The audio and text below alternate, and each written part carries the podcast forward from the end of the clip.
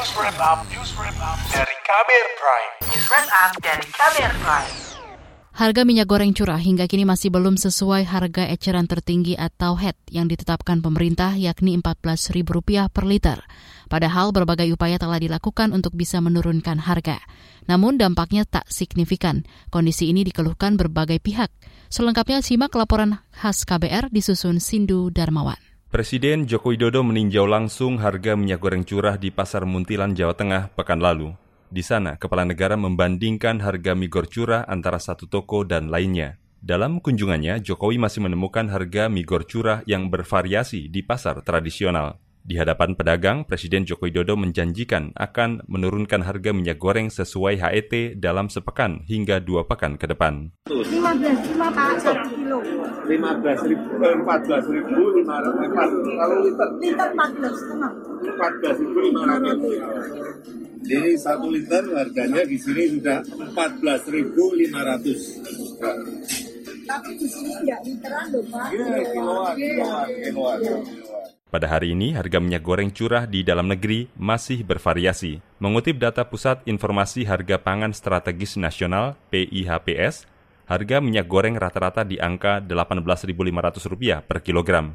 Angka ini naik 5 persen lebih atau sekira Rp1.000.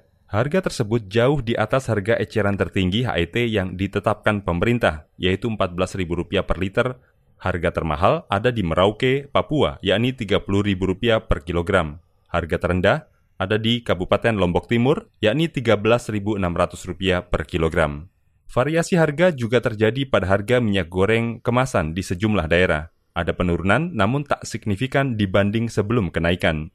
Menurut Siti, salah satu pedagang di Pasar Induk Banyuwangi, Jawa Timur, penurunan terjadi setelah pasokan melimpah. Ya, mak, ya turun tapi turun sedikit, nggak banyak turunnya masih dari 49 ke 46 2 liter ya satu liter kemarin itu 23 300 mungkin modalnya 25 dari 25 turun sedikit 23 300 Penurunan harga salah satunya diduga karena stok melimpah di dalam negeri. Itu sebab pekan lalu pemerintah kembali membuka keran ekspor CPO dan bahan baku minyak goreng.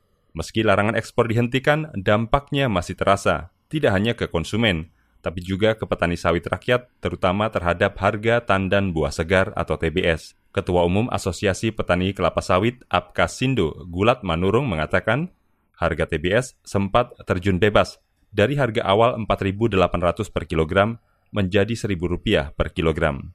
Namun, Kementerian Pertanian mengklaim telah melakukan langkah konkret untuk mencegah harga TBS agar tidak semakin anjlok. Meski begitu, Menteri Pertanian Syahrul Yasin Limpo mengakui harga TBS masih belum akan stabil dalam waktu dekat. Kementan tetap mengambil langkah penanganan dampak pelanggaran eks, pelarangan ekspor CPO yang diperkirakan masih akan berpengaruh terhadap harga tanaman buah segar atau TBS petani untuk beberapa waktu ke depan. Mentan Syahrul Yasin Limpo menambahkan, saat ini fokus Kementan membantu pembudidayaan kelapa sawit petani. Salah satunya yakni melalui pertemuan para pemangku kepentingan untuk mengambil kebijakan soal harga yang berpihak bagi petani. Sejumlah kebijakan yang dilakukan pemerintah untuk menstabilkan harga minyak goreng masih menuai kritik, salah satunya dari Ikatan Pedagang Pasar Indonesia IKAPI. Sebab harga minyak goreng masih belum sesuai HET. Padahal, larangan ekspor crude palm oil sudah dicabut. Sekretariat Jenderal DPP IKAPI Reynaldi Sarijowan khawatir harga migor bakal kembali naik dan mengerek harga-harga pangan menjelang Idul Adha. Kami hanya berharap minyak goreng 14.000 per 1 liter itu ada di pasar. Dengan cara apa? Dengan cara pendistribusian yang secara merata dan meluas. Jadi nggak hanya di daerah-daerah perkotaan besar saja. Tentu kita berharap eh, hari ini kan minyak goreng curah aja masih di atas 17.000, bahkan ada yang 19.000. Maka varia variabel-variabel ini harus uh, segera diselesaikan sehingga harapan dan cita-cita pemerintah tentu terrealisasi. Sementara itu, Komisi Pengawas Persaingan Usaha KPPU kini tengah mengamati harga produk minyak goreng yang belum berubah. Menurut Ketua KPPU, Ukay Karyadi, masih mahalnya harga minyak goreng mengindikasikan adanya dugaan kartel. Soal ini, KPPU sudah mulai penyelidikan sejak akhir Maret lalu. Mulai besok, subsidi minyak goreng curah akan dihentikan dan digantikan dengan kebijakan wajib pemenuhan domestik untuk minyak sawit mentah atau Domestic Market Obligation untuk crude palm oil, DMO CPO. Kebijakan tersebut tertuang dalam dua permendak yang telah dikeluarkan pada 23-24 Mei 2022. Artinya, per akhir bulan ini, Kemenperin tidak akan lagi bertanggung jawab atas distribusi minyak goreng di tanah air. Demikian laporan khas KBR yang disusun dan dibacakan Sindu Darmawan.